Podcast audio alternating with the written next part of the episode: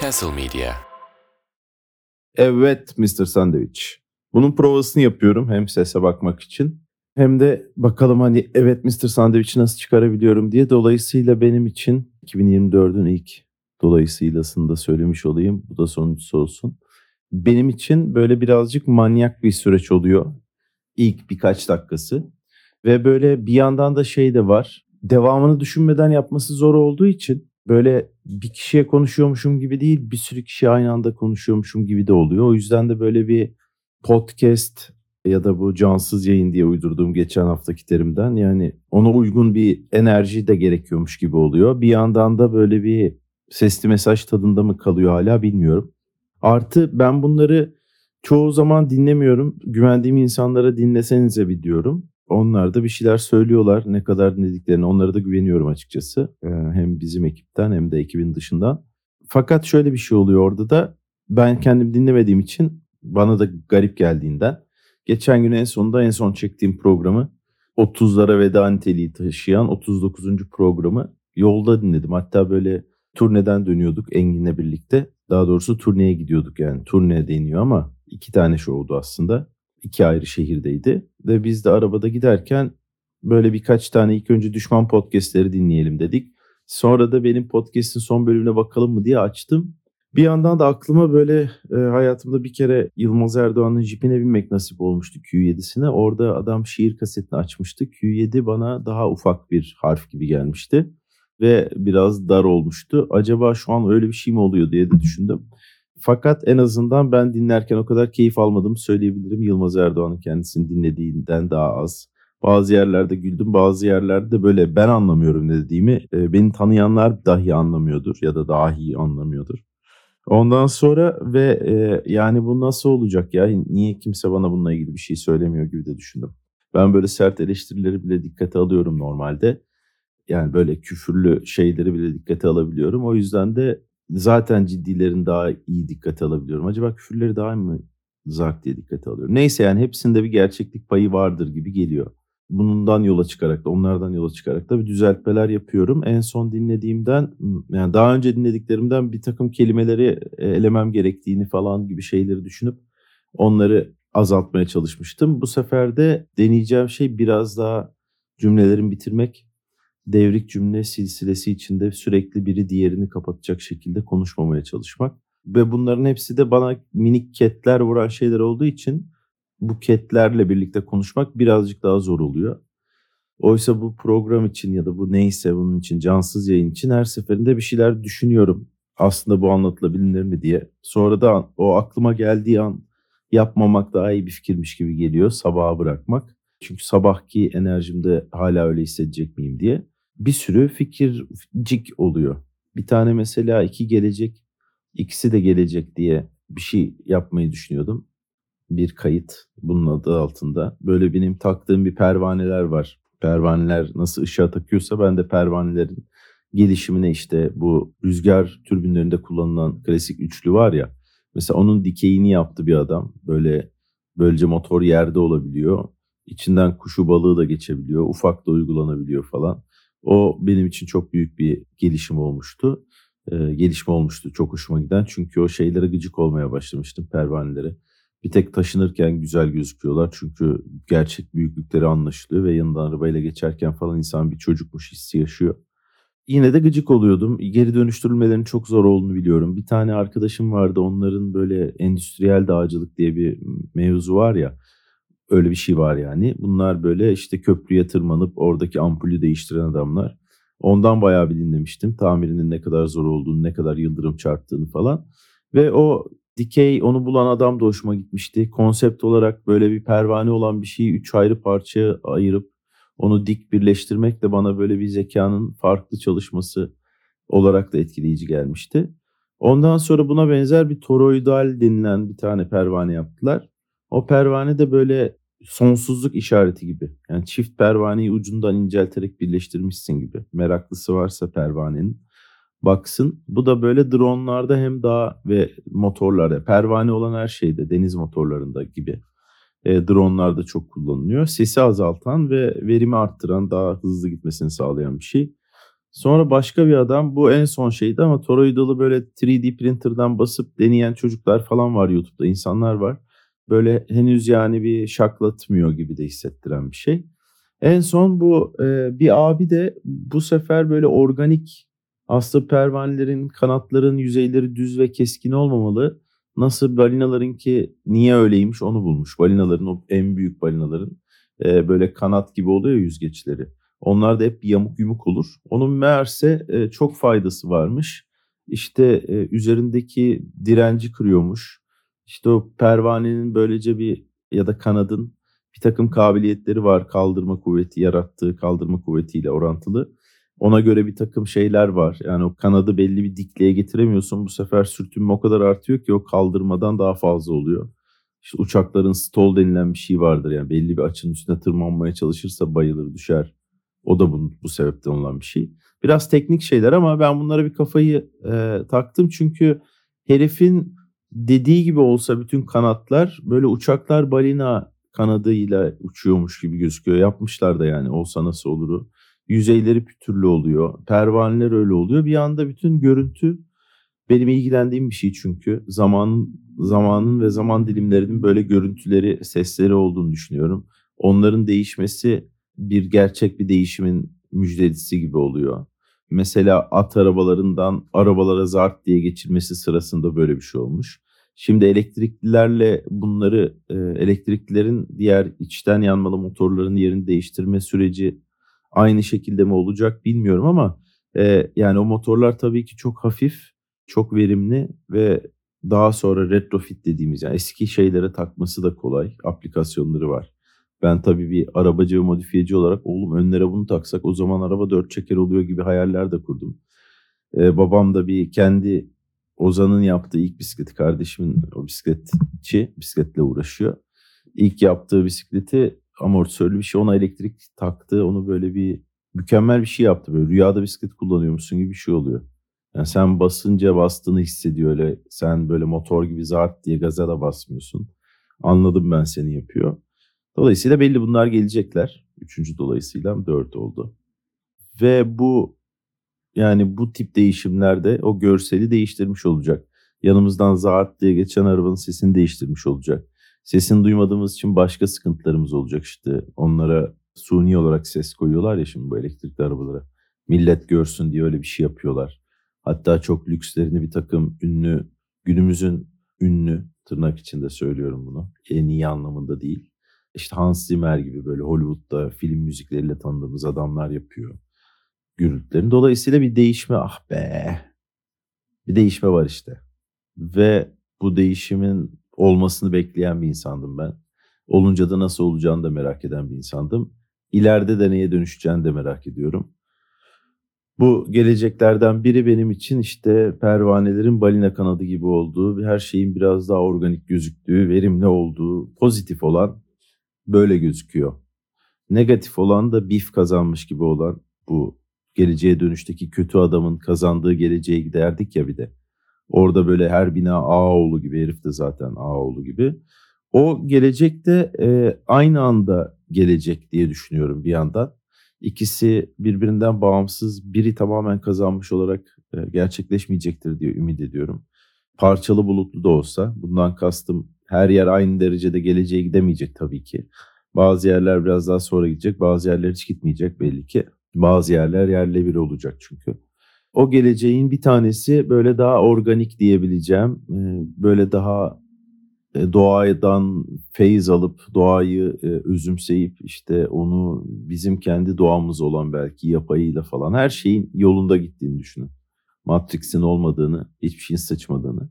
Bir yandan da tabii ki bu e, hepimizin içinde olan o ikilik yani e, özünde kötü bir insan mıyız, iyi bir insan mıyız? Bunun cevabı zor çünkü yani insan iyi olma çabası aslında kötü olmasıyla da açıklanabileceği için ya da kötü olma çabası aslında iyi olma çabasıyla da açıklanabileceği için ya da yaşadıklarının onun üzerinde artık ona başka şans vermeyecek derecede kuvvetli olması. İşte mesela Filistin'de şu anda olduğunuzu düşünün ya da çocukluğunuza böyle bir şey denk geldiğini düşünün. Hem korona hem böyle bir savaşın. Bu insanı bambaşka bir hale getirecektir hayatta kalırsa. E, ya o yüzden de başka bir gelecek de başka insanların şu anda yaşadığı günden ileriye ışınlanmak mümkün olsa o gelecekte gerçekleşecek. Işınlanmasak da gerçekleşecek. Bu bir paralel evren de değil. O da o gerçekleşen şeyin görüntüsü de gürültülü, dumanlı, sıkışık, böyle keskin köşelerin daha da keskin olduğu. O hep böyle bir e, sanki bir erkek yani fallik demek istemiyorum ama bir erkek anlayışı mı ya da öyle bir pürüzsüzlük şeyi mi yani kendi cinsiyetini gömenlerden de sıkıldım da o bir önceki medeniyet anlayışı sizce neyin e, ağırlığını taşıyorsa onun görüntüde de hisse de şeyi var bence. Kullanılan objelerin şeklinde e, ya da kendi ifade ediş biçiminde tasarım olarak. O belki organikleşince biraz daha aslında doğa ana falan filan orada da bir denge oluyor olabilir. Benim pozitif düşünmeye daha çok e, ihtiyacım var değil de ona daha yatkınım bu sabah ilginç bir şekilde ya da bu şu ana kadar iyi aktığı için de böyle olmuş olabilir. Öyle hissettiğim için. Bir tane konu buydu ama kim pervaneyi dinler diye anlatmayı düşünmedim. Ee, diğeri de hakikaten bu şeydi yani. Buradan bu iki insan iyi mi kötü mü? Ben iyi miyim kötü müyüm? Çünkü bir yandan böyle yani insan içinde çok net kötü düşünceler var. Çocukken de anneniz babanız bunu görüp yapmayın falan da diyor yüksek ihtimalle. O sineklerin tanrısındaki durum söz konusu.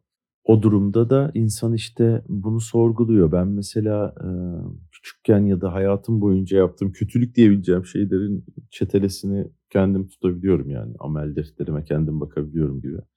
E, ve e, ya onlar işleseydi diye de düşündüm. Mesela çok kuvvetli biri olduğumu düşündüm ve böyle geçen gün bir dövüşçü e, bir adam var Sean Strickland diye. Strickland mı demek lazım.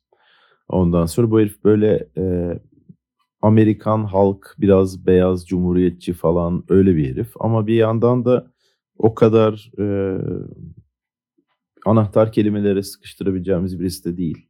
Ve İsrail Adesanya diye biraz daha böyle bir Vogue diyebileceğimiz, biraz daha Z diyebileceğimiz kuşak olarak denk geliş ya da kendini ifade ediş biçimi olarak işte sosyal medyadaki varoluşu bilmem nesi Afrikalı bir adam böyle hafif bir um, eyyamı da var yani hani her kalıba da girebilecek gibi bir adam.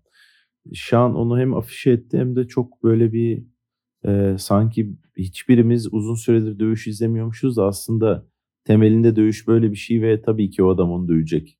Şan İsrail dövecek gibi hissettirecek basitlikte e, bir dövüştü ve e, sağdan sildi gibi bir şey oldu.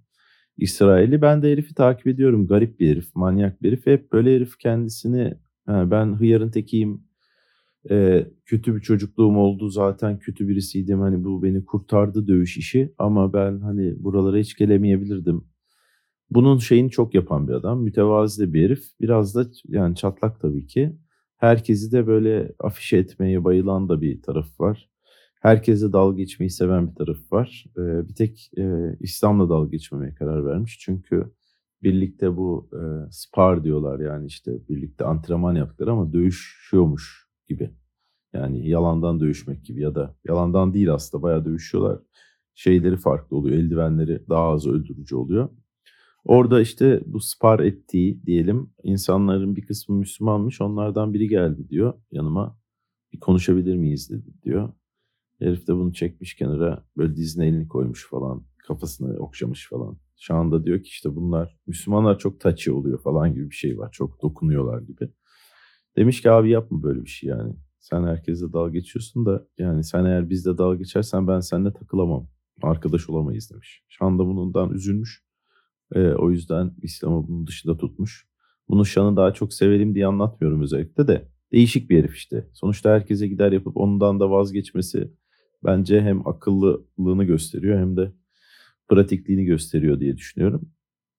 E, onu, onu izlerken de aynı şeyi düşündüm. Yani insan e, öyle bir insan olsan mesela yani şan kötü bir insandır demek istemiyorum ama normalde tasvip edilmeyecek şeyleri yaptığında hem yanına kar kalsa hem de e, faydasını görsen küçüklüğünden beri.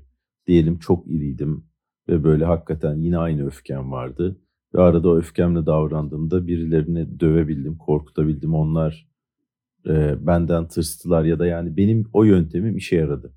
Ve ben çok ufak yaşta anladım ki ben bütün işlerimi böyle çözebilirim.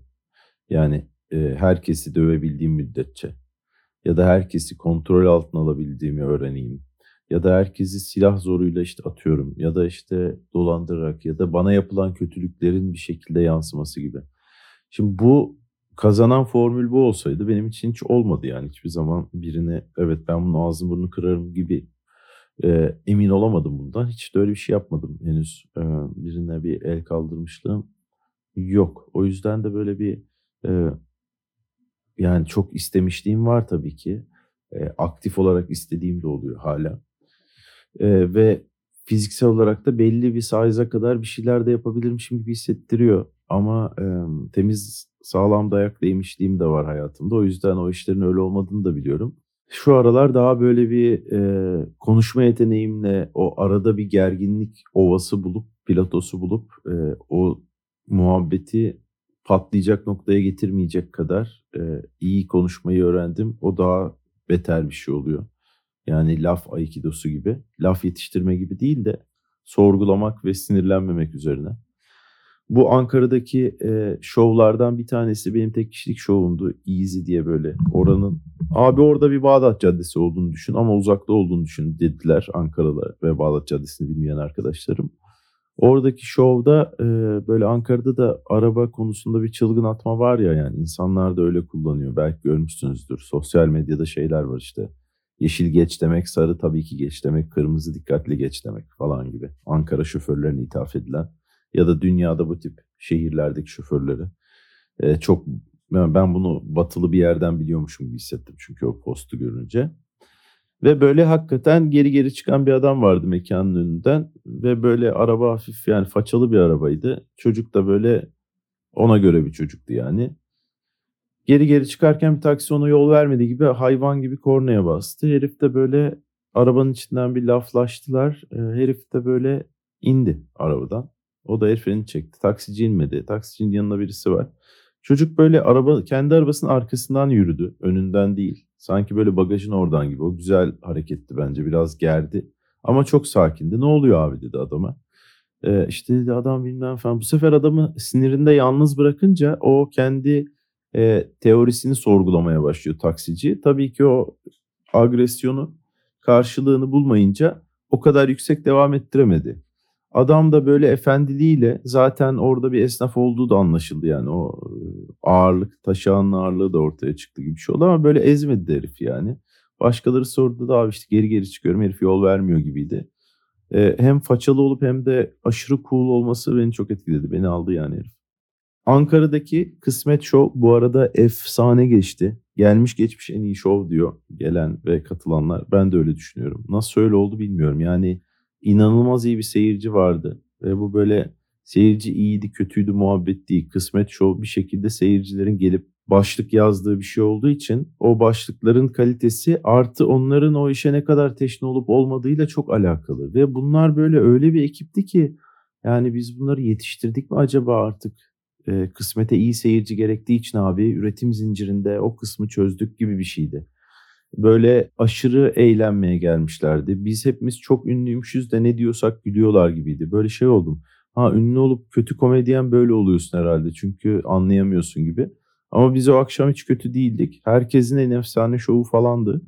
Yani seyirci o kadar iyiydi ki böyle çıkışta biz seyirciyle fotoğraf çektirmek istedik. Biz onlara sorduk haftaya nerede çıkıyorsunuz oraya gelelim diye gibi iyiydi. Ve ondan sonraki Bursa da çok iyiydi. Yani çünkü bir daha hiç olmayacak mı öyle bir şov hisleriyle ayrıldık Ankara'dan. Hem şovu yapanlar hem Engin'le ben. Ee, ve işte bu yolda da benim şiir kasetimi dinlediğimiz yolda Bursa'ya giderken de ve iki kişiyiz 40'ar dakika yapacağız. O bir iddia yani. Ben yaptım bir kere ama Engin hiç yapmadı. Ben kolay olmadığını biliyorum. Engin için daha kolay olmayabilir görece. O yüzden böyle bir konuştuk işte nefesimiz nasıl kullanmalıyız, e, nerede vites arttırılmalı gibi. Engin de onları çok iyi yaptı. Ve onun bir e, anomali olmadığı Ankara şovunun aslında şu aralar iyi olduğumuz, e, insanların da belki biraz ufaktan anlamaya başladığı böyle bir şeyi.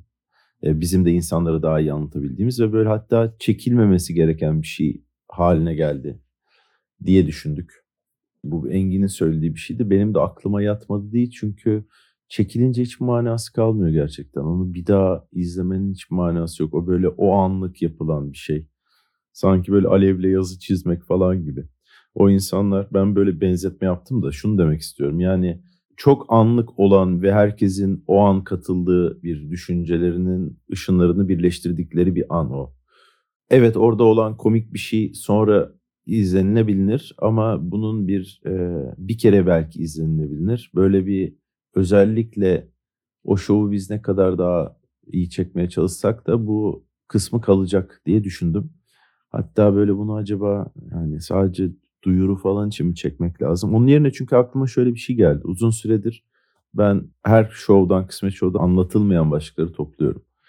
Geçen günde bunları oturdum hepsini açıp bakıp böyle şaka yazmadım da iyilerini yani çok saçma ya da güncelliğini aşırı kaybetmiş ya da sadece o gece için önemli olan şeyleri ayırdım. Onları yaktım. E, çünkü soba var evde. E, ve e, kalanları da topladım. Bunu açılamayan başlıklar diye ayrı bir podcast olarak yapmayı planlıyorum. E, YouTube'a da bunu çekimli mi koysam acaba podcast olarak direkt koyunca RSS, RSS koyunca feed'i diye bir şey var. RSS deyince sen podcast'i paylaştığında YouTube'a da chat koyuyor. Benim tembelliğimde bir insan için e, bayağı iyi oluyor. Mesela Antemiz kanalına en azından ben buradayım dedirten bir şey oluyor. Orada bir ölüymüş gibi davranmıyor. Aynı şeyi Kısmet Show'un YouTube kanalı için de kullanabilirim diye düşündüm. Hem üretmesi daha kolay hem de aklıma bir milyon tane şey geldi. O bir hazine gibi duruyor. Şu anda da göz göze gelebiliyorum. E, Kısmet Show'un e, açılmayan başlıklarının durduğu fanusla. Bir de çünkü aktif fanusu var Kısmet'in. Bunu böyle editsiz koyacağım ki e, yani ha oraya bir şey olmuş onları çıkarmış gibi olmasın diye gerçek bir kısmet şov hissi yaratsın diye kayıt bile olsa e, editsiz koymayı planlıyorum. Kesinlikle yapmayacağız bunu ben kendim yapıyor olacağım. E, belki basit bir YouTube kısmında da basit bir tek kamera falan gibi bir şey olabilir. Onu çünkü ne zaman üzerine düşünsem e, hemen kafamda prodüksiyonu büyütüyorum. Ha, o yüzden oldurmak için e, daha basit tutmak gerektiği için ilk başta sadece podcast olabilir. Onun müjdesini vermiş olayım. E, bu arada 12'sinde var Kısmet Show Ocak ayında sadece. E, Fail Ankara'da en son Manyak geçen Kısmet Show'un mekanında aynı kadroyu da bozmadım. Bu sefer de farklı bir galibiyetle ayrılmayı planlıyorum sahneden. Ve bu açılamayan başlıklarla ilgili de aslında fikrim şuydu. Bir tanesini burada yapayım. Yani sizin gününüz nasıl geçtiğinin içinde bir tane açılamayan başlıklar yapayım. Ondan sonra da o kendi podcast'ine ışınlansın. 2-3 tane başlık mı anlatsam diye düşünüyordum. Şu anda çok üşeniyorum. Sonuna gelmişim gibi hissediyorum bunun. Onu, ona ayrı bir program yapabilirim yani. Program. Broların olmadığı. Ee, bu iyi bir fikirse açılamayan başlıkları burada bir deneyeyimse ilk önce bir sonraki bölüm öyle yapabilirim söyleyin. Ya da biraz bekleyin zaten kendisi ayrıca podcast olarak gümbür gümbür geliyor. Şimdi burada açıp anlatmayacağım. Anlatmamaya karar verdim. Kendime güvenmediğimden değil kesinlikle aslında şaklatabileceğime inanıyorum. Sadece sürprizimi kaçmasını istedim bilmiyorum. Ee, onu anlatmayacağım. Fakat açılamayan başlıklar iyi bir fikir bence ve e, şu bakımdan iyi bir fikir. Böylece Kısmet Şov'a geldiniz. Başlığınız açılmasa bile o gece er geç bir gün podcast'te bilmem ne de açılacak olmasını bilmek iyi bir his olabilir. Benim için de zihin çalıştırabilir. Bu da bizi yorabilir.